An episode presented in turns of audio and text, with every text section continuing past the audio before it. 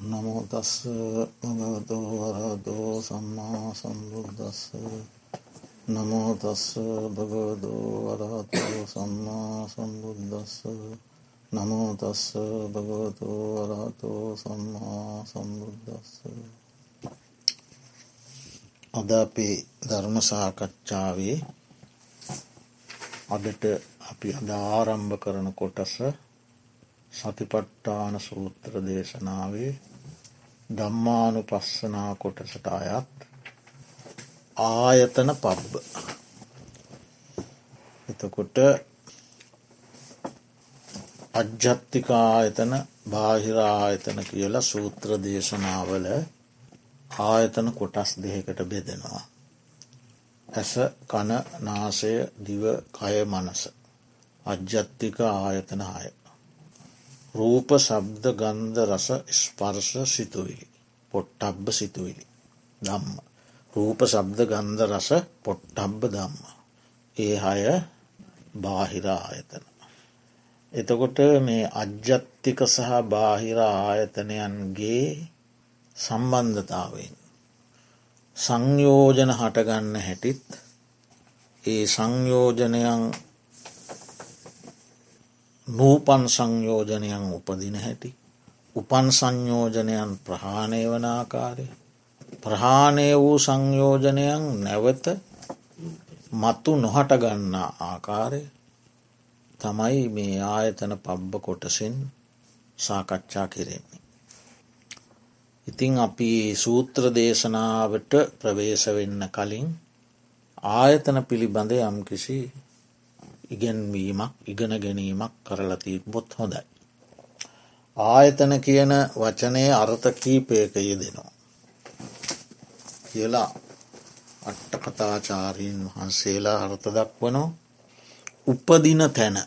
ඔන්න එක අර්ථයක්. උපදින තැන. ඊළඟට එක්රැස්වන තැන. එක්රැස්වන තැන. ඊළඟට වාසය කරන තැන. ඊළඟට මතුවන තැන හේතු උපකාරවන බව ආයතන යන්නෙහි අර්ථ උපදින තැන එක්රැස්වන තැන වාසය කරන තැන මතුවන තැන හේතු උපකාර වන බව. ඉතින් ඒක ඔන්න විමර්ශනය කරලා බලන්ට සුදුසු. තෝට සංයෝජන උපාදාන කෙලෙස් ආදිය උපදිනෝ මේ ආයතනයන් නිසා. කෙලෙස් ආදිය එක්රැස් වෙනවා.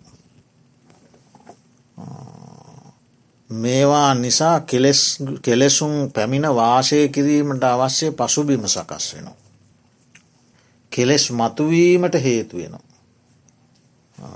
ඊළඟට ඒ සසර ගමන දිගින් දිගට පවත්වන්නට හේතු උපකාර වෙන මේ ආයතනය.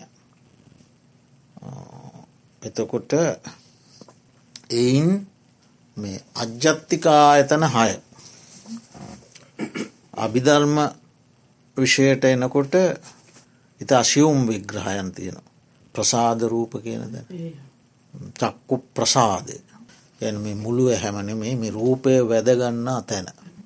ඒ වගේ අනිත්ති ජේති අපි එච්චර තුරට සාකච්ඡාව ගෙනියත් නෑ ඒ අභිධර්ම ක්‍රමය හැටියට ඉතා සියුම්. සූත්‍ර පිටකේ කෙලින්ම චක්කු කියන වචනය තමයි තියෙන් කචක්කු සෝත ගාන ජිව්වා කායමන. කොහමුණන් තිති මේ මුළු ඇහැම රූපය අල්ලගන්නෑන් රූපය කියන එක මේ මුළු හැටමන මේ ස්පර්ශ වෙන්නේ එක් තැනකට සියුම් තැනකට. ඒක තමයි ප්‍රසාද රූපය. චක්කු කියලා කියන්න ඒක. කනෙත් මේ හැම තැනම මේ සබ්දය මේ වෙන්නේ සබ්දය ග්‍රහණය වෙන්න ඉතා සියුම් තැනකට. ඒක තමයි ගාන ඉන්ද්‍රිය. ඒ අභිධර්ම ක්‍රමේ එක හරි. මනස්ස කියන එක මෙහෙමයි ඒක මේ හර්දයේ අඩපතක් පමණ ලේ තැම්පත් වී තිබෙනවයි කියනවා. ඒ ඇසුරු කරගන්නවා කියලා කියන්නේ. දැන් අපිට අපේ බයක් එහෙම දැනුන ගම අප මෙතන තිගෙස්මක් එහෙම ඇතිවෙන් මෙය මේ ඇසුරු කරගෙන පවතින. ඒ ටිකක් ඉතින් ගැඹුරු කාරණය හරදය ඇසුරු කොටගෙන පවති. තෝට අනිත් ඉන්ද්‍රියත් එහෙම සියුම් සියුම් ඉන්ද්‍රියය. නමුත් ධර්මාවබෝධයේදී අපිට මේ සූත්‍ර ක්‍රමය තේරුම් ගැනීමත් ඇති අර අවබෝධයක් තියෙනෙ කොහොඳ ඒ දැන ගැනීම.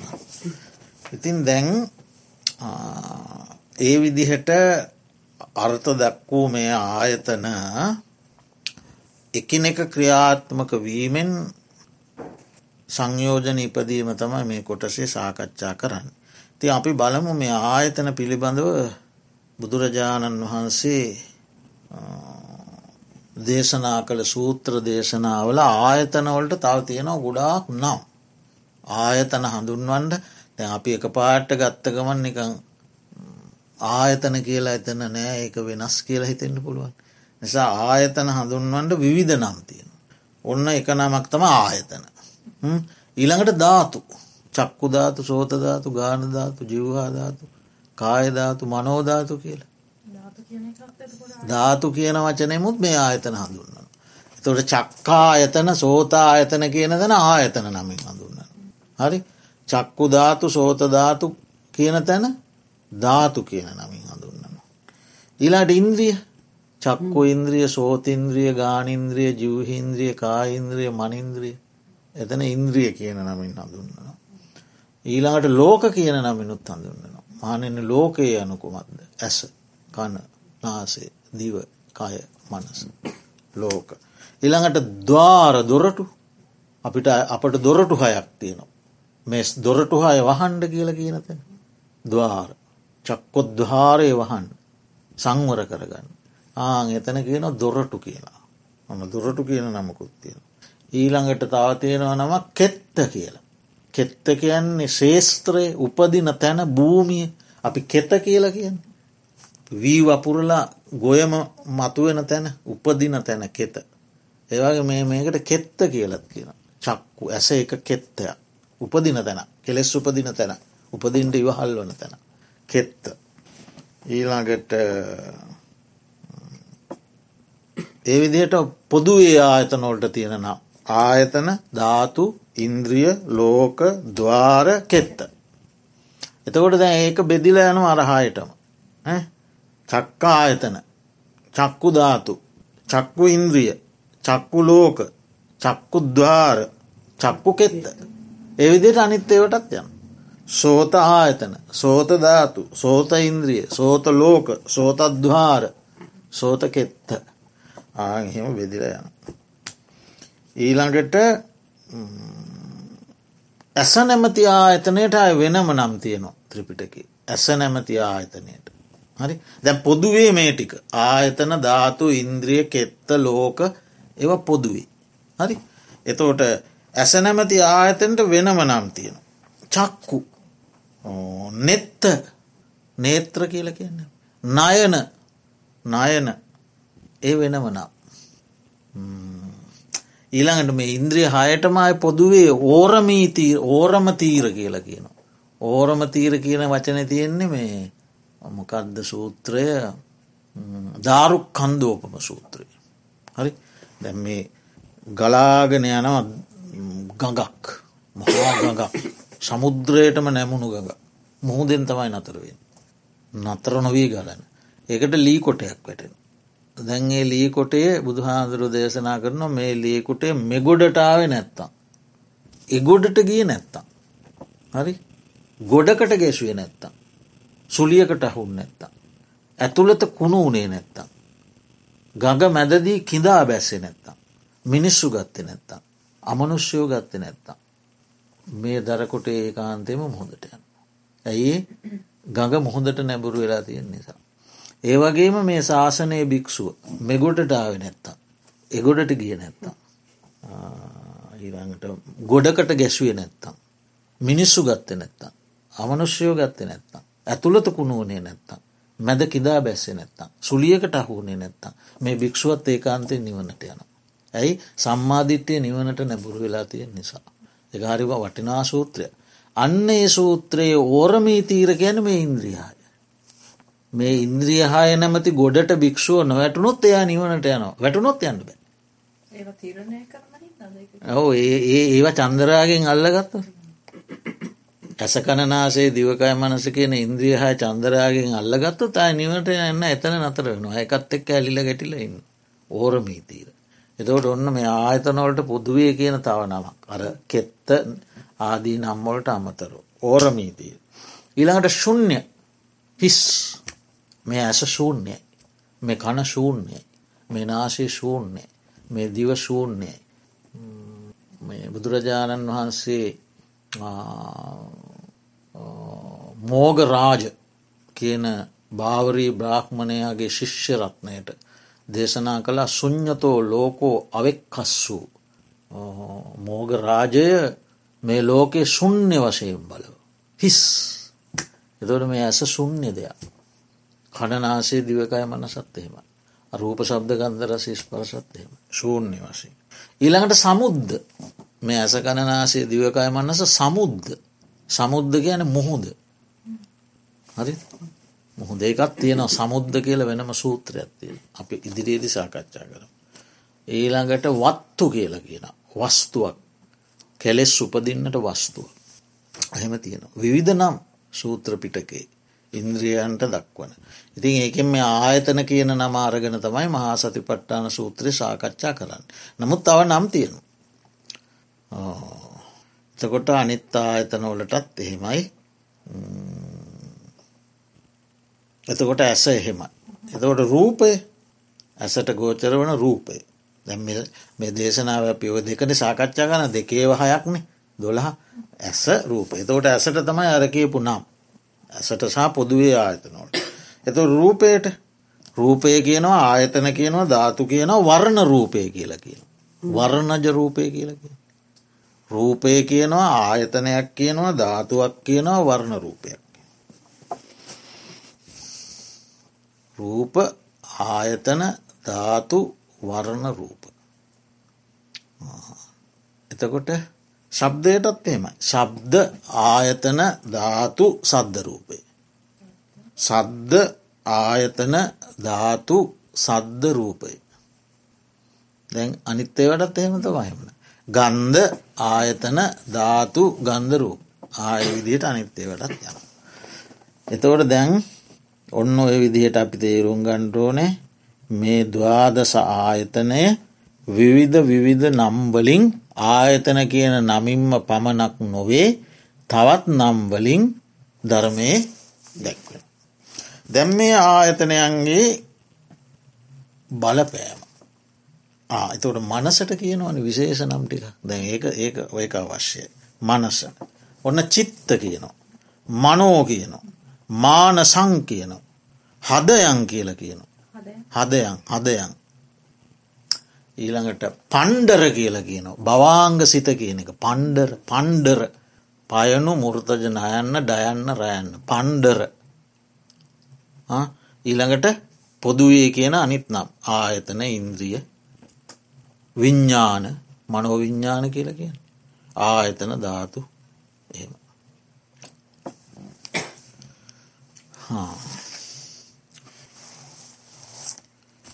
දැන් බලමු ඉන්ද්‍රයන්ගේ ක්‍රියාකාරීත්වය අපේ ජීවිතවලට කොතෙක් විශාල වශයෙන් බලපානවාද කියන කාරණ.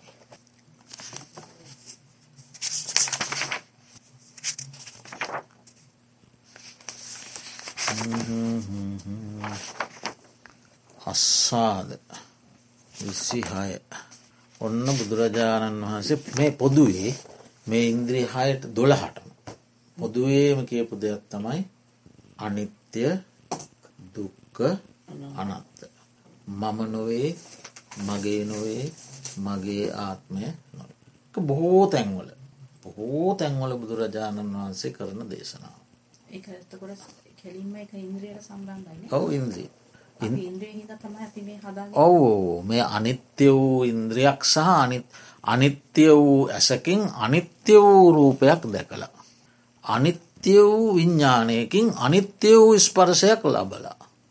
හරි අනිත්‍ය වූ සුකවේදනා දුක්වේදනා උපේක්ෂාවේදනා විඳිමින් ඒව ග්‍රහණය කරගෙන ඉන්නවා. ඒකන කරන්න. එතවට ඒ නිසා පොදුවේ හැම්ම තැනකම තියෙන වචන ටික තම අනිත්‍ය දුක්ක අනාත්ම නේතං මම නේසෝ හමස්මි නමේසෝ අත්තාති. අනිත්‍යය දුක්කයි අනාත්මයි මගේ නොවේ මම නොවේ මගේ ආත්මය නොවේ යැයි දැකිය යුතුයි කියන කාර ඒක පොදුයි. ඊළඟට ඔන්න බුදුරජාණන් වහන්සේ අභිනන්ද කියන සූත්‍රයේදී දේශනා කරනවා අභිනන්දතිී කියල කියන්නේ මේ සූත්‍ර දේශනාව සිංහල භාසලාවට පෙරලූ තැන තියෙන්නේ පිළිගනී කියන අර්ථය. අභිනන්දන ගැන පිළිගන්නවා කියන එක. හැබැයි පාලි භාෂාවේදී අභිනන්දන කියන වචනය යෙදෙනවා අතිශයින් සතුටුවීම කියන. සතුටු වී අභිනන්දති ගැන සතුටු. හරි එතවට අපි මේ දෙකම අරගෙන බැලුවොත් අපිට පුළුවන් සතුටින් පිළිගනී නම් කියන එක ගණ්ඩ පුළුව. හරි නැත්තං මේ ඇස කෙරෙහි සතුටුවේ නම් කියල ගන්න පුළුව. තෝට මෙතන තියෙන සූත්‍රය පෙරලා තිබෙන ආකාරයට පිළිගනී නම්. හරි ඔන්න බුදුහාමුදුරෝ දේශනා කරනවා මහනෙන යමෙක් ඇස පිළිගනී නම්. ඕ මගේ මම කියල පිළිගනී නම්. ඒම නැත්තම් මේ ඇස මමය මාගේ කියල සතුටුවේ නම් සතුටෙන් පිළිගන්නවා නම්. හෙතෙම දුක පිළිගනි. හරි මම මගේ කියලා පිළිගන්නවා නම් එයා පිළිගන්න මොකක්වත්ම දුක පිළිගන්න. හරිද. යමෙක් දුක පිළිගනී නම් හෙතම දුකෙන් නොමිදුනේය කියමු. එතකොට එයා පිළිගන්නේ දුක නම් එය දුකෙන් මිදන්න. එයා දුක පිළිගනිමින් ඉන්න අධිකට. හරිද එයා දුකෙන් මිදෙන්නේ නෑ. ඒ වගේම මහනෙන මේ යමෙක් මේ කන නාසය දිව කය මනස. පිළිගනී නම් සතුටින් පිළිගනී නම් මම මගේ යැයි පිළිගෙනී නම් මගේ ආත්මය යැයි පිළිගෙනී නම් ඔහු පිළිගන්න දුක. ඔහු දුකින් මිදෙන්නේ නෑ. නොමිදුනේ යැයි කියමි. මහනින මේ යමෙක් මේ ඇස නොපිළිගනී නම්. මම මගේ මගේ ආත්මය කියලා නොපිළිගන්නවන. කණ නාසේ දිවකාය මනස නොපිළිගන්නවන. ඔහු නොපිළිගන්න මොකක්දද දුක පිළිගන්න හෝ. ඔහු මේවා මමේ මගේ මාගේ ආත්මය කියල පිළිගන්න මේකෙන් සතුටු වෙන්නේ. හරි? මෙයින් බැහැර සතුට හෝ හොයනවා. හරි? ද මේකෙන්නේ ලෝකය සතුට වෙන්නේ. එයා මේක සත්තුටක් කියල පිළිගන්න. මේකෙන් බැහැරයා සතුට පර්යේෂණය කරනවා. එතවට එයා දුක පිළිගන්න. තවම නෑ. රහත් රහත්තු නැම් පස්සෙ කොහොමත් හරි නැති මාර්ගය යන අය. වුණත්. එයා පිළිගන්න පිළිගන්න නැත්තන් එයා දුක පිළිගන්න දුක පිළිගන්න නැත්නම් එයා දුකින් මිදෙනවා. රහතන් වහන්සේ නම් මිදුනේ යයි කියම සම්පූර්ණ මිදල ගිය ඒ මිදුනම් පස මේ පිළිගන්න කොහොම සෙසු මාර්ගඵලලාබීන්ටත් ඉතින් ගොඩාක් දුරට ඒව මිදුනා තමුත් තව තියෙනවා ඇතිගේ දුක අනාගාමි වුනත් ඒවා තුළින් ඇතිවෙන තව බලපෑම් සහිතයි. තවත් ඒවෑන් ඇතිවෙන බලපෑම් මුළුමනින්ම සිදෙන්න්න රහත්තුනෙන් පස්. එතෝට අන්න බුදුහාන්දුර එතෝට දේශනා කරන මේම පිළිගන්නවන දුකයි පිළිගන්නේ දුක පිළිගන්නවන දුකෙම දෙන්න නෑ. හරි ඊළඟට බුදුරජාණන් වහන්සේ දේශනා කරනවා මේ තමන්ගේ බෝධි සප්ත කාලිගෙන.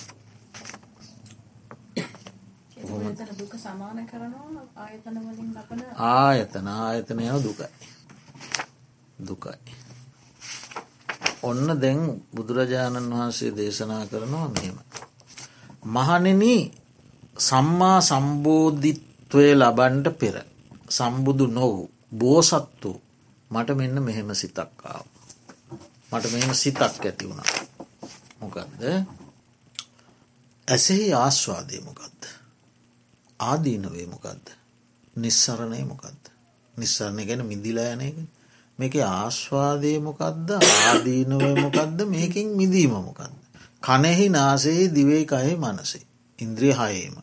ආශ්වාදය මොකක්ද ආදීනවේ මොකක්ද නිස්සරණය මොකක්ද. දැම් බුදු වෙලා නෑ බෝසත් අවදයේදී බුදුරජාණන් වහන්සගේ මෙනෙහි කිරීමක්. මහනෙන මට මෙබදු සිතක් ඇතිවිය. ඇස නිසා යම් සුවයක් සොම්නසක් උපදී නම් මේ ඇසේ ආස්වාදයයි. හරි ඊළඟට අනිත්තේවත් එහෙමයි. කණ නිසා නාසය නිසා දිව නිසා කය නිසා මනස නිසා. යම් සුවයක් යම් සතුටක් යම් සොම්නසක් උපදිනවා නම් මේ තමා ඇසේ කනේ නාසේ දිවේ කයේ මනසේ ආස්වාද. ඒ වගේම මහන්නේ යම් මැසක් අනිත්‍යයන නිරන්තරයෙන් වෙනස් වෙනවන. දුකනම් අනිච්චා දුක්කා විපරිනාම දම්ම. අනිච්චං දුක්කං විපරිනාම දම්ම.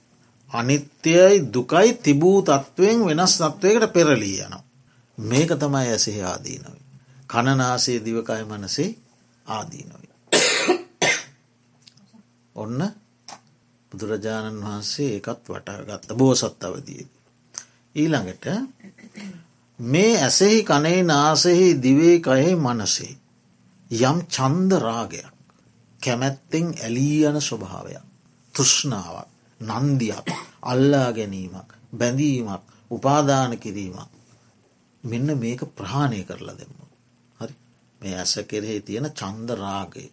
ප්‍රහාණය කරලා දැමීම තමයි මේක තියෙන මිදීයාම නිස්සරණය. එය තමයි මිදුන කෙන. ඔන්න බෝසත් අවදයේදීම මට මේක අවබෝධ වුණා. බෝසත් අවදයේදී. මහනෙන මම යම්තාක් මේ හය වැදෑරුම් වූ අධ්‍යාත්මික ආයතනයන්ගේ ආස්වාදය ආශ්වාද වශයනුත් ආදීනවේ ආදීනවේ වශයනුත් නිස්සරණය නිස්සරණය වශයනුත් ඇත්ත ඇති සැටියෙම් දැනගත්තෙ නැත්නම් ඒ තාක් මම කිව්වෙනෑ මම සම්මා සම්බුද්ධයි කියලා. හරි ඒ ටික අවබෝධ වෙන තෙක් මේ දෙවියම් මරුම් බඹුණු සහිත දෙව් මිනිසින් මහන බමුණන් සහිත ප්‍රජාවෙහි මං උත්තරීතර සම්මයක් සම්බුද්ධත්වය අවබෝධ කලා කියලා කිව්වෙන. මහනෙන යම් කලක මම මේ අධ්‍යාත්මික ආයතන හයි ආශ්වාදය අවබෝධ කළෙම්ද ආදීනව අවබෝධ කළෙන්ද නිශ්සරණය අවබෝධ කළෙම්ද. එතවට දැන් චන්දරාගේ ප්‍රාණය කරලා දැන් මිදිලා. ආන්න ඒ අවස්ථාවේ එකල්හි ඒ මොහොතේ මම දෙවියම් මරුම් බඹුන් සහිත මහන බමුණන් සහිත ප්‍රජාවෙහි අනුත්තර වූ සම්මා සම්බුද්ධිය අවබෝධ කලායයි මම ප්‍රතිඥා දුන්න. මං ප්‍රකාශ කළ මට ඥාන දර්ශනය පහළ වුණ. දැන් මගේ මේ අරහත් පල සමාධිය කිසි සේත්ම සෙලවෙන්නේ නෑ. මේක තමයි මගේ අන්තිම උපත. නැවත මගේ ඉපදීමක් නෑ. කියල ඔන්න බෝසත් අවදයේදී ඒ බුදුහාමුදුරේක මෙ වර්ග කරලා බලල මේ ආස්වාද මේ ආදීනෝ මේ නිස්සරණය. එහෙම බලල සම්මා සම්බුද්ධත්වය ලබා ගත්තට පස්සේ එකන් ඒව ප්‍රහාණය කලාට පස්සේ තමයි කිව් මම සම්මා සම්බුද්ධ. ඒ ඒ දේශනාවම තියෙනවා බාහිරා ඇතන හයි. රූපයන්ගේ ආස්වාදය ආදීනව නිස්සරණය. රූපය නිසා සබ්දය නිසා ගන්ධය නිසා රසය නිසා ස්පර්සය නිසා සිතුවිල්ල නිසා යම් සතුටක් සොම්නසක් උපදිනවන ඒ ආස්වාදය. ඒවා අනිත්‍යය නම් දුක්කනං විපරිනාමයට පත්වෙනවන ඒ ආදීනවේ. ඒවා කරේ චන්දරාග ප්‍රහාණය කිරීම නිස්සරණය. ඉතින් ඒවත් මම අවබෝධ කරගන්නා තෙක් මම කිව්වෙන මම සම්මා සම්බුද්ධය කියල. අවබෝධ කරාට පස්සෙ මම කිව්ව මම සම්මා සම්බුද්ධය කියල. ඊළඟට අපි බලමු මේක මේක සම්පූර්ණම මේ සලායතන වක්ගේම තියෙන්නේ මේ ඉන්ද්‍රියන් ගැන දේශන. මම මෙයින් තාමත සිත් ගන්න අසුළු ටිකක් තෝරාගෙන තමයි මේ කියන්න. අපි බලමු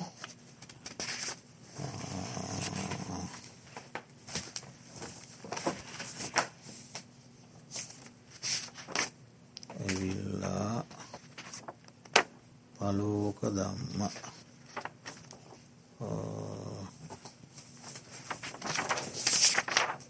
අභිනන්දන පරිහාන. සංයෝජන.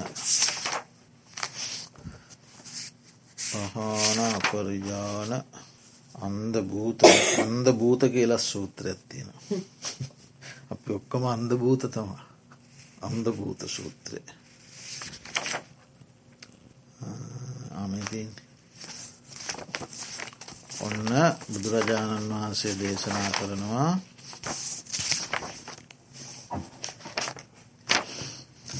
මහණනි තොපට පරිහාන ධර්මත් අපරිහාන ධර්මත් අභිභායතන සයත් දේශනා කරන්නේ. පරිහාන ධර්ම අපරිහාන ධම්ම අභිභාහිතනහයි. හරි එක ඇන්න මොනවද පිරිහෙන කරුණු නොපිරිහෙන කරුණු සහ වැඩූ කරුණු අභිභායතනය ගැන සම්පූර්ණය වැඩුව. ඔන්න හන්ඩ අහන්ඩ කියන බුදු හාදුරුව මහනනයේ අසක්. මහනෙන කෙසේ නම් පරිහාන ධර්මය වෙද්ද. කෙසේද පිරිහෙන්නේ. මහනෙන මෙහි මහනහට යම් කිසි භික්ෂුවකට ඇසින් රූපයක් දැක. ලාමක වූ අකුසල්ලු. හරි බන්ධනයට කරුණු මෙම බැඳෙන්ඩ කරුණු.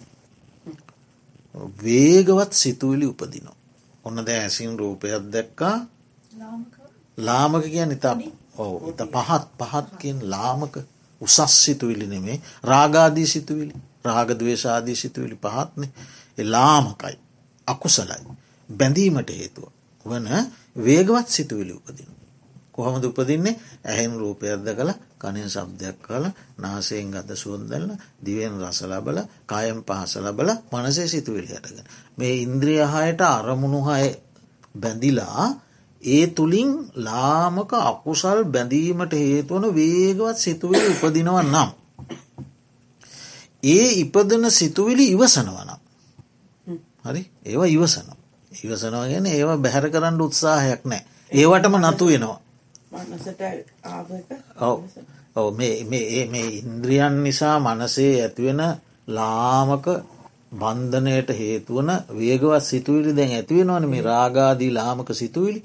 ඒවා බැහැර කරන්න නැතුව ඒක ඉවසනවා. ඒගැන්නේ ඒකට එහෙම ඉන්ඩ දෙනවා. ඒක පිනවනවා ඒක වර්ධනය කරනවා.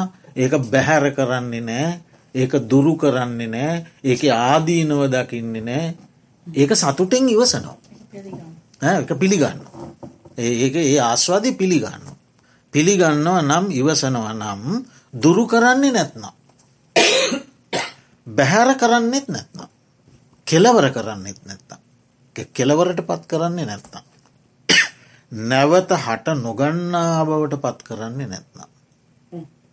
මහනනී භික්‍ෂුව තේරුම් ගණ්ඩෝනෑ මම කුසල් දහමින් පිරිහෙන කෙනෙක්. මෙය පරිහානියයි බුදුරජාණන් වහන්සේ දේශනා කළා කියලා තේරුම් ගන්න කිව. ඔන්න එක පරිහාන ධර්මය. පිරිහෙන. පිරිහෙන. එක ඇන්නේ ඉන්ද්‍රිය හයට ගෝචර ධර්ම හමු වනාම හරි? ඉන්ද්‍රියන්ගෙන් අරමුණු හඳුනගත්තම දැනු නම විඤ්ඥානයෙන් තම දැනගන්න සංඥාවෙන් තමයි හඳුනගන්නේ ඊට පස්සේ ඉතින් ඒක ඒකෙන් සතුටුවමින් ඒක පිළිබඳ විතරක කරමින් ඒක පිළිබඳ චේතනා උපදවමින් ඒකටම ගැලිලා ඒකේ බැඳිලා ඒකේ läගලා ඒකේ ඉරිලා ඒක පිළි අරගෙන ඒකෙන් සතුටුවමින් ඒ බැහැර කරන්නේ නැතිව දුරු කරන්න නැතුව ප්‍රහාණය කරන්න නැතුව කෙලවරට පමුණුවන්නේ නැතුව නැවතහට නොගන්නා බවට පත් කරන්න නැතුව එම බැඳිලා ඉන්නකොට. තේරුම් ගණ්ඩකිව මෙන්න මේක තමයි පරිහාන ධර්මය කිය. එතවට මේක සරල තැනන්නෙමේ. එකන්න මේක තමයි මුළු මේක තමයි මේ සංයෝජන ඇති කරන ප්‍රධාන කේන්ද්‍රයමේ. මේ ඉන්ද්‍රියහයයි අරමුණුහයයි තමයි සංයෝජන උපාදාන සෑමටම මුල්වන ප්‍රධානම ඒක තමයි අර රැස්වන තැන පමුණුවන තැන එක් රැස්වන තැන උපදින තැන කියල මේකට ආයතනොලට අර්ථ දක්වන්නේ අටුවාව. ඒකයි. ඉතින් ඔන්න දැන් ඒක පරිහානිය. හරි ඉළඟට බුදුරජාණන් වහන්සේ දේශනා කරන මහනිනි කෙසේනම් අපරිහාන ධර්මය වේද. මහනෙන මෙහි මහනහට ඇසින් රූපයක් දැක ලාමක වූ අකුසල් වූ බන්ධනයට කරුණු වූ ධාවන සංකල්පය උපදිනවා එකැන වේගවත් සිතුවලි උපදිනවා දැ උපදිනවා හරි. ඉදිං මහන තෙමේ එය නොයිවසානම් අන්න දැන් එය ඉවසන්නේ. එයාද එයාටත් දැම් මේ සිතුවි ලියනවා එයා මේකට ඉඩ දෙන්න මේක පිළිගන්න එයා දන්නවා මේක ආදීනෝ සහිතයි. මේක බරපතලයි. මේකට ඉඩ දීමෙන් හානියක් වෙනවා. කියලා එයා දැන් තේරුම් අරන්න ඉන්නේ. එතෝට එයාටත් හැබැයි සිතුවිලි එනවාර අරමුණු දැකීමෙන් ඒ සිතුවිලි යාට ආවම එයාක ඉවසන්නේ දුරු කරනවා. එක වීර්ය තමයි උපකාර වෙන්න තින් වීර්යෙන් දුරු කරනවා. ක්‍රියාත්මක කර ඒක ක්‍රියාත්මක වෙන්න දෙන්න. එයා උත්සාහයෙන් වීර්යෙන් අලස නොවී තමන්ගේ දෛනික කටයුතු තුළින් කොහොමහරි මේවට ඉඩ නොදී මෙ බැහැර කරනවා. කෙලවර කරනවා. නැවත හටගන්න නැති තත්වයටත් පත් කල්ල දානවා. හරි දැයත් මේ සටන කරනවා මේ සිතුවිලි එක්ක. අරය සටනෙන් පරාදයි. මුල් එක්කන එයා පැරදිලා පිරිහීමේ ගොඩට යනවා. දෙවන්න දෙවන්නටත් මේවා එනවා. මෙය මේකත් එක සටන් කරනවා. සටන් කරන්න මොනුවත් එක්ක දැ මේ ගොඩනගාගන තියෙන සද්ධාව හරි සිල්වත්කම ඉන්ද්‍රිය සංවරය ආදී ගුණධර්ම තියන වීර්රිය ශාන්තිය ඒ ඒවා තුළින් මෛත්‍රිය කරුණාව ඒ ඒ ගුණධර්ම තුළින් බුද්ධාදී රත්නත්‍රය කෙරේ අචල විශ්වාසය ඒවා තුළින් මෙයා ඒ මේ සතුරන් එක්ක අර එයා ගොඩනගාගත්ත ආයුධ තුළින් එයා සටක් කරා. කියල විදිහ තේරවන්නේ හටන් කරලා මෙයා මේක ඉවසන්නේ දුරු කරල දාන බැහැර කරල දාන. නැවට නොහට ගන්නා බවට පත් කරන. එතකොට මහනනයේ භික්ෂුව තේරුම් ගණ්ඩ කිව්වා මම කුසල් දහමින් පිරියෙන කෙනෙන් නෙවෙයි. මේක අපරිහානියයි අපරිහාන ධර්මයක්. බුදුරජාණන් වහන්සේත් මේක අපරිහානි ධර්මයක් කියලා දේශනා කළ. පළවෙනි තේරුම් ගණ්ඩෝන මේක පරිහාන ධර්මය. දෙවන්න තේරුම් ගණ්ඩෝන මේක අපරිහාන ධර්මය. ඊළඟට අභිභායතන හය. අභිභායතන. මහනෙන මෙහි මහනහට ඇසින් රූපයක් දැක කනින් සබ්දාසා ඉන්ද්‍රියන්ගෙන් අරමුණු ලැබ ලාමක වූ අකුසල් වූ බන්ධනයට කරුණු වූ වේගවත් සිතුූලි නූපද දැන් ඇගේ උපදින්නේ. උපදින්නේ නෑ. ඒ භික්ෂුව තේරුම් ගණ්ඩුවන මොකක්ද ආදැම් මම ආයතන වඩලතියෙන් දැම්මගේ මේ ආයතන වැඩිලා. වැඩිලගෙන ආයතන දියුණු වෙලා. මගේ ආයතන දැන් දියුණු වෙලා. භාග්‍යවතුන් වහන්සේ මේකට කියන නම තමයි අභිභායතන කියලා එයා තේරුම් ගන්න. දැම්මගේ ආයතන දියුණුයි ඔන්න තුර දැම් මේ එකම එකම දේ එකම දේ ලෝකයේ තුනකට බුදුරජාණන් වහන්සේ බෙදවා මේ ඉන්ද්‍රී ආශ්‍රයෙන් පිරිහීමක් බෙදවා නොපිරිහීමක් බෙදවා වැඩීමක් බෙදවා.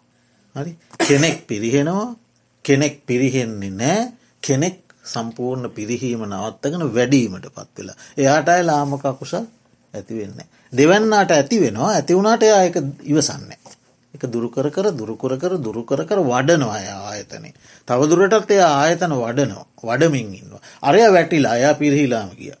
පළවෙන්න පිරිහිලාම ගිය. ආයතන මුල් කරගෙන පිරිහිලාම ගිය. දෙවන්න ආයතන මුල් කරගෙන වැඩීම පටන්ගෙන තියෙනවා. හරි තුන් වෙන්න ආයතන වඩල අවසං කරලති. එය ජයග්‍රහකය. දෙවන්නත් ජයග්‍රහණය කරා යන කෙනෙ.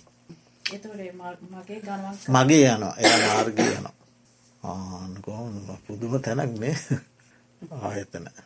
පුදුම් බලන්නක බුදුරජාණන් වහන්සේගේ අවබෝධය. මෙ කාට දෙතින් මේ තරත් සරලෝ මේ එක්කම දෙයක් අල්ලගෙන මේ ඇසකන්න නාසේ දිවකයි මනස කියන මේ තහා රූප සබ්ද ගන්දරස ස්පර්ස සිතුවිලි.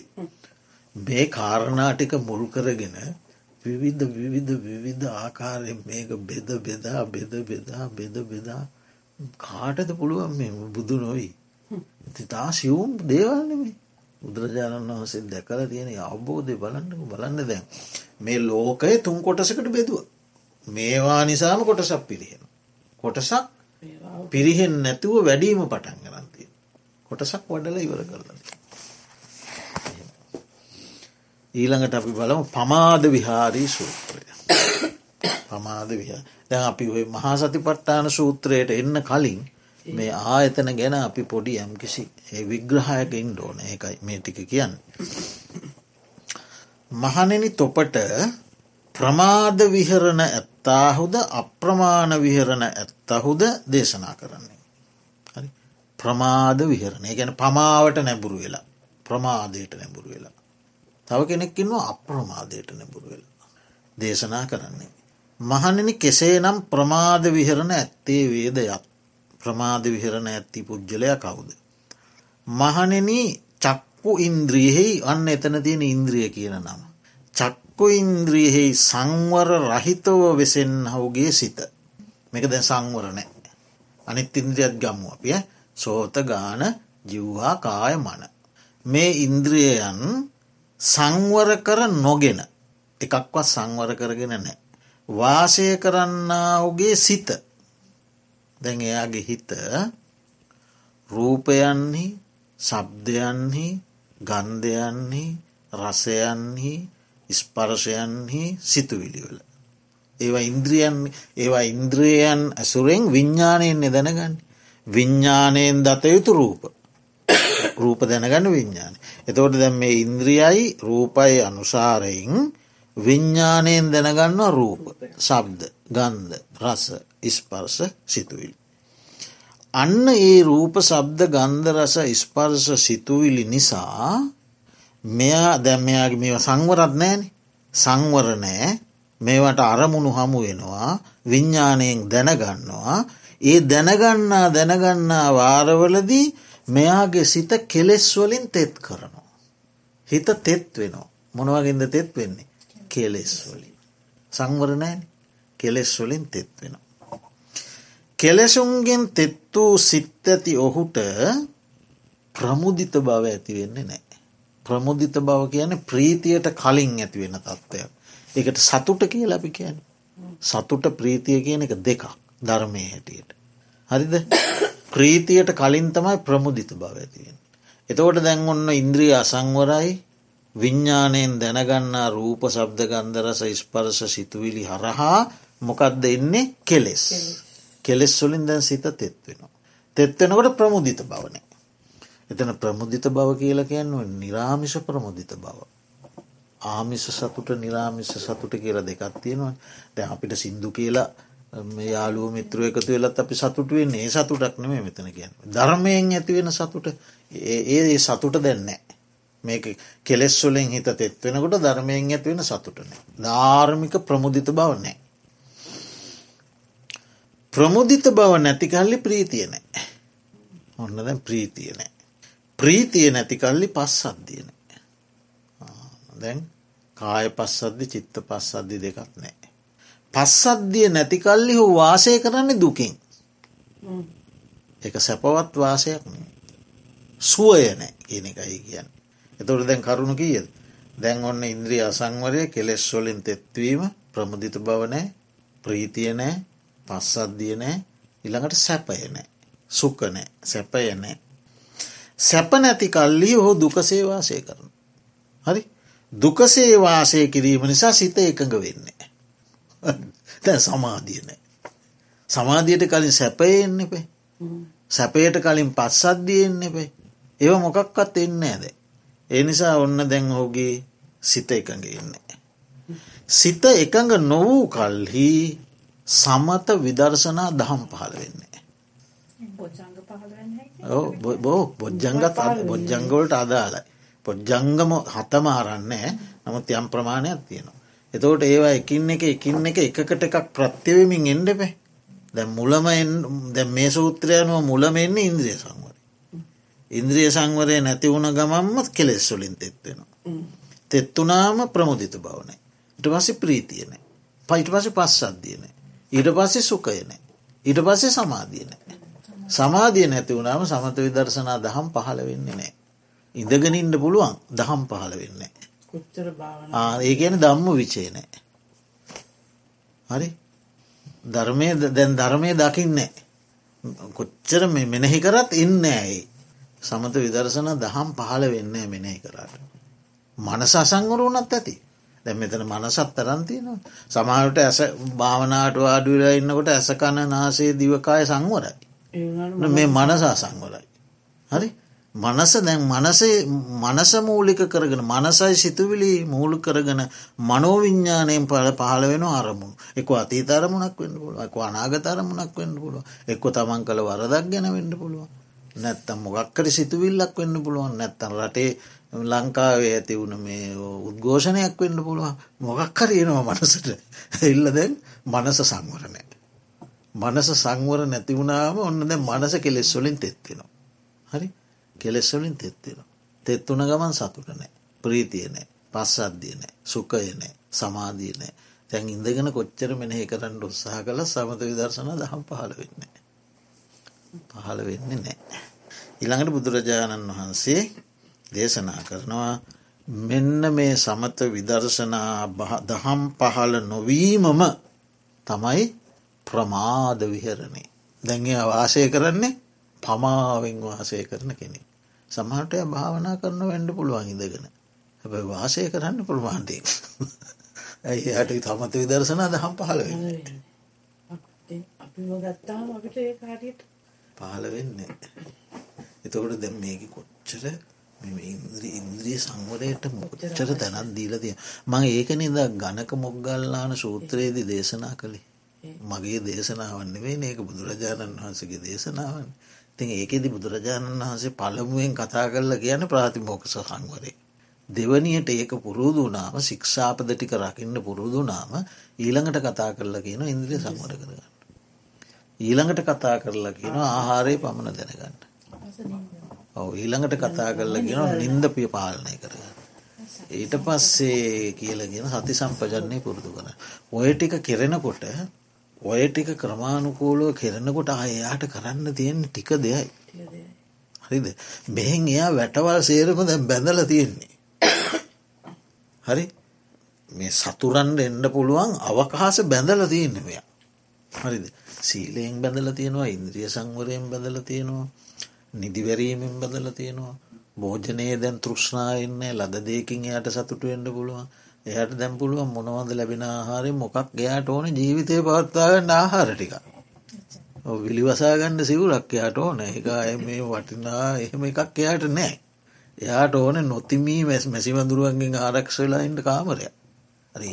ඒ වෙනකොට ලොක්කු වපසරයක් හදාගන දැයි මූලික සැකසීමක් වෙලා. ඊට පස්සේ යායට වාඩි වුනාම බොහොම පහසු කාරය ඇත්තියෙන්නේ බල මේකින් කියන්නේ ඒක නෙමේ මූලික කඩයිමක් මෙතන. ඒකන දීලා සීලය කියන එක මට එක ස්වාමෙන් වහන්සේ නමක් කිව්වා. අපි ඇත්තටම සැලකිල්ල දක්වනවා මදි නිසා කිව්වා මේ තමන්ගේ යටපත්ව තිබෙනවන යම් පාරමිතා ශක්තිීන් ඒව මතුවෙන්ට මූලික තැනැක්කිව් සීලේ. ඒකේ ඒක සම්පූර්ණ කරනකොට යටපත් ප්‍රතිබෙන පාරමිතා පව මතු වෙලා එනවයි කියල. ලෝක එච්චර සැලකිල්ලක් නොදක්වන තැනක්. එහෙම තියෙනවා. ඊළඟට ඔන්න දැම් නොපමාවිහරණ පමා නොවී වාසය කිරීම. ඇසකණනාසේ දිවකය මනස යන ඉන්ද්‍රියයන් සංවර කරගෙන වාසය කරන්නා උගේ සිත චක්කුරු චක්කු විඤ්ඥානාදී විඤ්ඥානයන්ගෙන් දැනගන්න දැන් රූප ශබ්ද ගන්දර ශිෂ්පරස් තියනවා සිතුවිල් විඤ්ඥානවලින් දැනගන්න දැ මේවා සංවරයියාගේ ඉන්ද්‍රිය. එතොට විඤ්ඥානයන්ගෙන් දැනගන්න අරමුණුවලින් අරමුණු නිසා එයාගේ සිත කෙලෙස්වලින් තෙත්වෙන්නේ නෑ. හරි එකන එයා ඉන්ද්‍රියන්ට අරමුණ අරමුණු ගෝචරුණ ගමන් එයා ඒ අරමුණ පිළිගන්නේ නේ අරමුණ පස්සයන්න ෑන දැන් එයා සංවර කරගත්ත කෙනෙන්නේ. එය අරමුණ ලුහු බැඳගෙන යන්න ඒ අරමුණ සතුටෙන් පිළිගන්නෙත් නෑ. එය අරමුණේ අනිත්‍ය ස්වභාවය දකි නොද. හරි ඒක පුරුදු කරලා තියෙන් ඉන්ද්‍රිය සංවරය තුළි. එතකොට එයාගේ හිත අරමුණු ලැබුණට කෙලෙස්වලින් තෙත්වෙන්නේ. තෙත් නොයනකොට ප්‍රමුදිතයි. එයට සතුට තියෙන. ඔව දන්න සතුට තියෙන. ඒක නිරාමිෂ සතුට තියෙන. එතකොට ප්‍රීතිය තියෙනවා. ඒ නිසා එයාගේ සිතකය දෙක සැහැල්ලු පස්සද්ධිය තියෙන. ඊළඟට පස්සද්ධියත් එක්ක සුකය තියෙන. සුකයත් එක්ක සමාධිය තියෙන. සමාධිමත් වූ සිතේ තමයි මොනවද පහළ වෙන්නේ සමත විදර්ශනා දහම් පහළ වෙන. ඔන්න සිත සමාධ වෙනකොට ඒ සිතේ පහළ වෙනවා සමත විදර්ශනා දහම්. දැන්ගේ පහළ වෙන බව තමම්ම දකිනවන. එයට දැන් ධර්මය හොඳට වෙනවා මනසට ධර්මය ගලාගෙන නවා දැන් ධර්මය වැටහෙනවා අනිත්‍යතාවයට හොඳට දැම වැටහෙනවා. දුක්කානාත්ම බව හොඳට වැටහෙනවා දැන්යාට. ධර්මතාව ධර්මය දකි නොද. ආංගේ දහම් පහළවීමට කියනවා පමා නොවී වාසය කිරීම. නොපමා විහරණ ඇති කෙනා කියලයාට කිය. තව එක සූත්‍රයක් කතා කරමු ඒකත් තව මේ කතා කරනවා නම් ඉතින් බොහෝ මේ සියලුම සූත්ස මේ ගොඩාක් සූත්‍ර දේශනා තියෙනවා ඉන්ද්‍රිය සම්බන්ධ. අපි අදට තව එක සූත්‍රයක් කතා කරු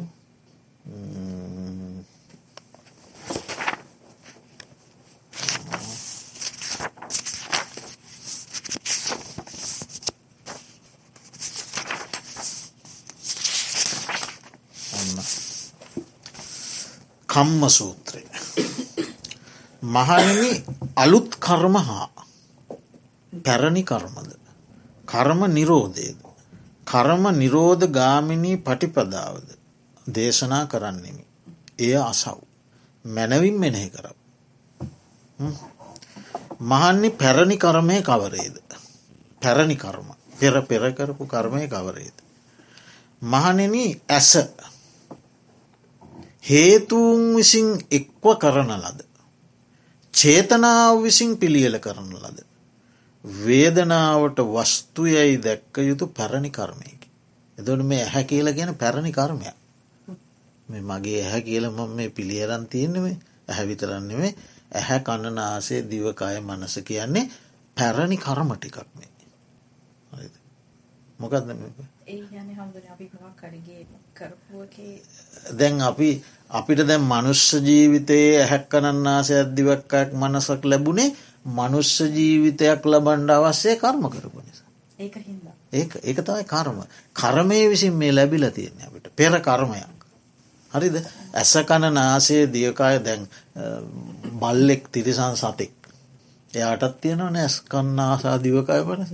එයාට බලු ඇස් දෙකක් සුනක ඇස් දෙකක් සුනකකන් දෙකක් සුනකනාසයක් නේද සුනකදිවක් සුනකකායක් සුනක මනසක් ලැබිල තියෙන ඒත් පෙරයා සුනකයෙක්වීමට අවශ්‍ය කරපු කරනවා. එතවට දැම් මේ අපිට අපි එකනෙකාට එක එක වෙනස් වෙන මනුෂ්‍ය ජීවිත අපි තුන් දෙෙන අතර තුන්විදිියන් අපි තුන් දෙෙන අතර තුන්විදිිය. අපිට එතකොට දැම් මේ ඇසකණනාසේ දිවකාය මනස ලැබුණේ හේතු ප්‍රත්‍යයන් විසින් එක්ව සකස් කරන ලද චේතනාව විසින් පිළියර කරනද. චේතනාව කියන්න එතන කර්මය.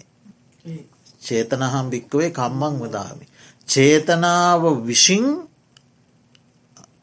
අනිකුත් ප්‍රත්තිය එකතු කරගෙන සංස්කරණය කරලා තියෙන කර්මයක් හද. චේතනාව තමයි කර්මයට මුල් වෙන්නේ. හරිද. චේතනාවක් මුල් වෙලා දැන් අපි කියමු අපිට සතෙක් මරන්න හිතෙන. ඔන්න චේතනාවන්න මුල් වෙන්නේ. එදන්ගේ චේතනාව මුල් වෙලා අනිත් සතා හිතෙන් මරන්ඩ බෑනි. ඊට අවශ්‍ය ක්‍රියාකාරකම් දැම් ඒ ඒ චේතනාව මුල් වෙලා ඊට අදාළ තවත් චේතනා පහළ වෙලා ඊට අදාළ උපකරණ රැස් කරලා ගල්හරි ආයුධහරි මොනොහරි රැස් කරලා දැ මේ කර්මයක් සකස් කරනවන. සත්ව ඝාතනයට අවශ්‍ය කර්මයක් මේ චේතනාව මුල් වෙලා තව තව චේතනා පහළවිමින් බොහෝ දේවල් එකතු කරගෙන සංස්කරණය කරනවා සතා මැරීමට. ප්‍රත්තියන් සංස්කරණය කරගෙන සතා මල්ලදා. හරි අන්න ඒ වගේ ඒක තමයි මේ කියන්නේ. එතකොට මේ ඇහැ කියල කියන්නේ ප්‍රත්‍යයන් විසින් එක් රැස් වෙලා චේතනාව විසින් පිළියන කරලා වේදනාවක් විඳීමට අවශ්‍ය වස්තු. වින්දනයක්. ලැබීමට අවශ්‍ය වස්තුවක් ලෙස සකස් කරපු කරණය පැරණි කර්මයක් විසින් සකස් කරපු දෙයක් මේ. හරිද? දැන් එතෝට මේ ඇස්සෙහි තියෙනවා ප්‍රත්‍යයන් විසින් එකතු කරපු බව. හරි චේතනාවන් විසින් සංස්කරණය කරපු බව. පෙර සසර චේතනා විසින් මේක සංස්කරණය කළ හදල දීලතිය. වේදනාවිදීමට වස්තුවක්. සුකවේදනා දුක්වේදන උපේක්ෂාවේදන වැද්ද ගැනීමට තියෙන වස්තුව. පැහැදිලිද. ඒක තියෙන වචන තුන තමයි අභි සංකතන් අභි සංචේ චේතයිතං වේදනීයන් දට්ටම්පා. අභිසංස්කරණය කරන ලද. ප්‍රත්‍යයන්ගෙන් සකස් කරපු. හරි එතකොට චේතනාව විසින් අභි අභි සංචේතයක චේතනාව විසින් පිළියල කරන ලද. චේතනාවට විතරක් කරන්න බෑන මේක චේතනාව විසින් පිළියල කරන ලද තවත් ප්‍රත්‍යයන් විසින් එකතු කොට සකස් කරනද. විඳිය යුතු විඳිය යුතු දෙයක් වසයෙන් දකින්න විඳිය යුතු දෙයක්. විඳීමට ප්‍රත්තිය වන දෙයක්. පැහැදිලි මොනෝද ඇසකණ නාසේ දිවකයි මනස. ඕන මේක තමයි පුරාණ කර්මය. ආයතන හාය. මේ පුරාණ කර්ම බව දැන ගණ්ඩකිව පුරාණ කර්මය පුරාණ කර්ම. හරිද. ඊළඟට අලුත් කර්මයකුමන්ද. දැවන්න පුරාණ කර්මය. ඇස ගණනාසේ දිවකාය මනස කියන පුරාණ කර්මයක්. හරි? ඒක හේතු ප්‍රත්‍යයන්ගෙන් හටගත්ත දෙයක්. චේතනාව විසින් පිළියල කර දෙයක්. හරි විඳීමට ප්‍රත්‍යය වන දෙයක් මේව නැත්තම් විඳීමන්නේ මේ ආශ්‍රයන්තම විඳීම සකස් වෙන. මහනන අලුත් කර්මයමකත්. දැන් කයින් වදනින් සිතින් යම් කර්මයක් කරේ නම් මහනනි මේ අලුත් කර්මයි. ඔන්න දැ පරණ පරණ කර්මය විසින් සකස් කරපු හයක් තියෙනවා. හරිද දැන්වත් මේක නිරුද්ධ කරලා දාන්ට අපිට කිසිව අදහසක් වීරියක් ඇත්ති නෑ. ද ආය මේකට අලුත් කර්ම තව දානවාද. හරිද දැ අලුතෙන් දැන් මේ මොහොතේ. කයින් වදනින් මනසින් යම් කර්මයක් කරේ නම් මේ තමයි අලුත් කරම. දැන් අර පරණ කර්මෝට දැන් අලුත් කරම අය සංස්කරණය කරනවා එකතු කරනවා. ඒක තම භාවය කියලා කියන්න. මේ ඉන්ද්‍රියන් ආශ්‍රයෙන් භවය යන හැටි. අලුත් අලුත් ඉන්ද්‍රයන් ටිකක් ලැබෙනවා නෑ පැරණි කර්මයෙන් ඉන්ද්‍රයන් ටිකක් ලැබෙනවා අලුත් කර්මෝලින් ඒක පණපෝන. ආයෙත් යනවා අයෙත් මොනහෝ කුසල හෝ අකුසල කරම විපාකයක් වසේ මොකක් හෝ භවයක් ලබනවා ඊට පස්සේ ඒ භවේ ලැබුණ ඉන්ද්‍රයන්ට ප්‍රත්‍ය වූ ආපහු කර්ම ටිකක් එකතු කරන. තිරිසන් සතෙක් නම් ඊට අනුරූපෝ කර්මටික.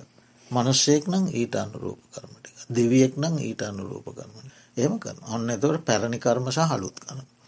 මහනි කර්ම නිරෝධය කවරේද. මහනිනි යමෙක් කායකර්ම වාක්කර්ම මනක් කර්මයන්ගේ නිරෝධයි.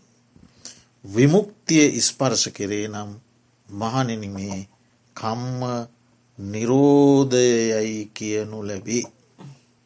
එකන්නේ කායකර්ම වචීකර්ම මනෝකර්ම කියලා අපි කර්මය කොටස් තුනකට බෙදෙනවන කායකර්ම වචීකර්ම මනෝකර. දැන් අපි ඒ වගේ ඊළඟට බෙදෙනවන කුසල අකුසල ප්‍රබේදයක් කුසල කායකර්ම කුසල වචීකර්ම කුසල මනෝකර්ම. අකුසල කායකර්ම අකුසල වචීකර්ම අකුසල මනෝකරම. එකතෝට අකුසල කායකර්ම අකුසල වචීකර්ම අකුසල මනෝකර්මයන්ගෙන් භවය පැනිනෝ. හරි අකුසලේ වගේ භවය. තිරි සම්භවය ප්‍රේත භවය නිරය අසුරනිකාය ආදී සතර අපාය පැනෙනවා. කුසල කර්මයන්ගෙන් දිවිය ලෝකහාය මනුෂ්‍ය ලෝකහාය නෑ දිවිය ලෝකහාය මනුෂ්‍ය ලෝකය. ඒ කුසල කර්මයන්ගේ අපි දිහාන පැත්තට ගියොත් ගරු කුසල කර්ම පැත්තට ගියුත් බ්‍රහ්ම ලෝකේ ආදිය පැනෙනවා. කුසලයන්ගේ. එතවට අකුසලයන්ගෙන් නිරයාදී අපායි පැනෙනවා. කුසලයන්ගෙන් දිවිය ලෝකහය මනුස්ස ලෝකය බ්‍රහ්ම ලෝක ඒව පැනෙනවා. එතකොට මේ කුසල අකුසල දෙකම නිරුද්ධ කිරීමෙන් නිවන පැනෙනවා. හරි. එතකොට දැම් බුදුරජාණන් වහන්සේ කර්ම නිදෝ නිරෝධය කියල කියන්නේ විශේෂයෙන් කාය වචී මනෝ කුසල අකුසල සියලු කර්ම නිරුද්ධ කරලද. ඒක තමයි නිරෝධය. හරි එතකොට අයි භවයක් පැනෙන්නේ නෑ. එතකොට කාම භවයක් පැනෙන්න්නේ රූප භවයක් පැනෙන්න්න අරූප භවයක් පණවන්නත් බෑ. සියලු භවයන් පැනවීමෙන් නිදහස්. එකදා කර්ම නිරෝධය. මහනෙන කර්ම නිරෝධ ගාමනි ප්‍රතිපදාව කුමක්ද. මේ ආර්ය අෂ්ඨාංක මාර්ගයමයි. සම්මා දිට්ටි සම්මා සංකප්ප වාචා කම්මන්ත ආජීව ආයාම සති සමාන. මේ කම්ම නිරෝධ ගාමිණී ප්‍රතිපදාවයි. ඉතින් ඊළඟට ආහයි බුදුරජාණන් වහන්සේ දේශනාව කරලා තාත්ත කෙනෙක් පුතෙකුගෙන් ඉල්ල නොවගේ පුත්තු කීප දෙනෙකුගෙන් ඉල්ල නොවගේ ඉල්ලීමකුත් කරනවා. මහනිනි මෙසේ මා විසින් තොපට පැරණි කර්මය දේශනා කරන ලදී. දැන් එතවට පැරණි කර්මය කාගළඟ තියෙන්නේ ඒ හගනිට හමුදුර ඔක්කොම ලගත් ඉතිදැන් තියෙනවා. අපි ළඟත් තියෙන. අලුත් කර්මයද දේශනා කරන ලදී දැගේ අලුත් කර්ම කරන්නෙත් අපි. කර්ම නිරෝධයද දේශනා කරන ලදී. කර්ම නිරෝධ ගාමිණී ප්‍රතිපදාවද දේශනා කරන ලදී. මහනෙන ශ්‍රාවකයන්ට හිතවත් වූ අනුකම්පා කරන. ශාස්තෘූවරයෙකු විසින් අනුකම්පාව නිසාම යමක් තොපට කටයුතු නම් ශ්‍රාවකයන්ට හිතවත් වූ අනුකම්පා කරන යම් ශාස්තෘූවරයෙක් අනුකම්පාව නිසාම තමන්ගේ ශ්‍රාවකයන්ට යමක් කළ යුතුනං ඒමං කරලා තියෙන්නේ. මේ දැන්කරෙත් ඒක කියල මේ කියන් මමම්බලට මෙන්න මේක දේශනා කළා. ශාස්තෘූවරයෙකු සා තමන්ගේ ශ්‍රාවකයන්ට අනුකම්පා කරනවා නම් ඒ අනුකම්පාවෙන් කළ යුතු කියල්ලමං කරලා තියෙන මේ දේශනා කරලා තින් මහන්නේ යන්න ගස් ගස්මුල් තියෙනවා වෘක්ෂමූට අන්න සුන්්‍යාගාර තියෙන හිස් ගෙවල් ගස්මුල් තියෙනවා.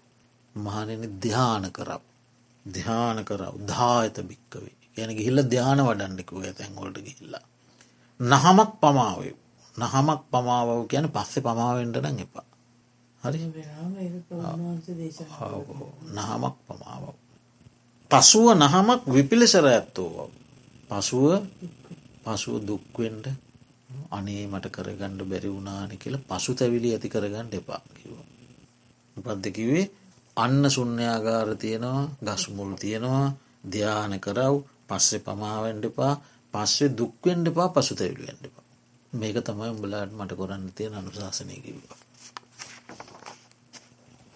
ඉතින් තව ගොඩාක් තියෙනවා ඉන්ද්‍රිය පිළිබඳ ඉගෙන ගණ්ඩ බුදුරජාණන් වහන්සේගේ හරි කදිම දේශනා. ඒ දේශනා වලින් පැහැදිලි කරන්නේ මේ අපි අපිට නොපෙනෙන අපි තව දැකලා නැති අපිට තාම පේෙන් නැති සසර අපි අමතක් කරල දාමකු. අමතක් කරන්න කියනව නෙමේ මේ. මේ ජීවිතයේදීම වනත් මේ ඉන්ද්‍රිය අපේ ජීවිතයට කොච්චර බලපෑමක් කරනවා නේද? ඉතින් ඒ ඇසුරින් අපිට හිතන්න පුළුවන් සසරට කොච්චර බලපෑම් කරාවිද? මේ ඕ මේ ජීවිතයම අපිට කොච්චර බලපෑම් කරනවා මිනිස් වර්ගයාටන මිනිස් වර්ගයාගේ පැවැත්මට. දැන් ඔය වෙන්න ඇද මිනිස්සුවේ ඉන්ද්‍රියන්ගෙන් අල්ලගත්ත දෘෂ්ටි නිසානුව මිනිස්සු මරන්නේ බෝම්බ පුරවාගන්නේ නේද? වැරදි මතවලට එල්බෙන් ඒවා මනසේ ඇතිවෙන ඒවන් මනින්ද්‍රිය මනීන්ද්‍රිය සංවර නැතිකව එතෝට මිනිස් ජීවිතයක වටිනාකම තේරෙන්නේ. දස දහස් ගානක් මේක මිනිසු මැරෙනවා නේද? පවසිද්ධ වෙනවා නේද? අකුසල්නේ දේ ඔක්කොම නැතිවෙනවා නිසා මේක හරි විශේෂ තැන ඉන්ද්‍රිය. තින් ඊළඟ දවස අපි බලමු සතිපට්ටාන සූත්‍ර දේශනාව අපිට තියෙන්නේ ඒ ඉන්ද්‍රීහාය දැකීම ඊළඟට අජ්ජත්තික බාහිර ඉන්ද්‍රියන්ගේ අනුසාරයෙන් සංයෝජනයන් ඉපදීම නූපන සංයෝජනය උපදීම උපන් සංයෝජනයන්ගේ ප්‍රහාණය ඒ තදංග වික්කම්බනාදී වසයෙන් ප්‍රහාණය වූ සංයෝජනයන් නැවත නූපදිනා බවට පත්කිරි. මේකත් තනිකරම විමුක්ති මාර්ගයක් මේ ඒ කොට්ටස විතරක් ගත්තත් ඒකත් කෙලි රිජ්ජුවම නිවනට ප්‍රත්තිය වන මාර්ගයක්. අදට ප්‍රමාණවත්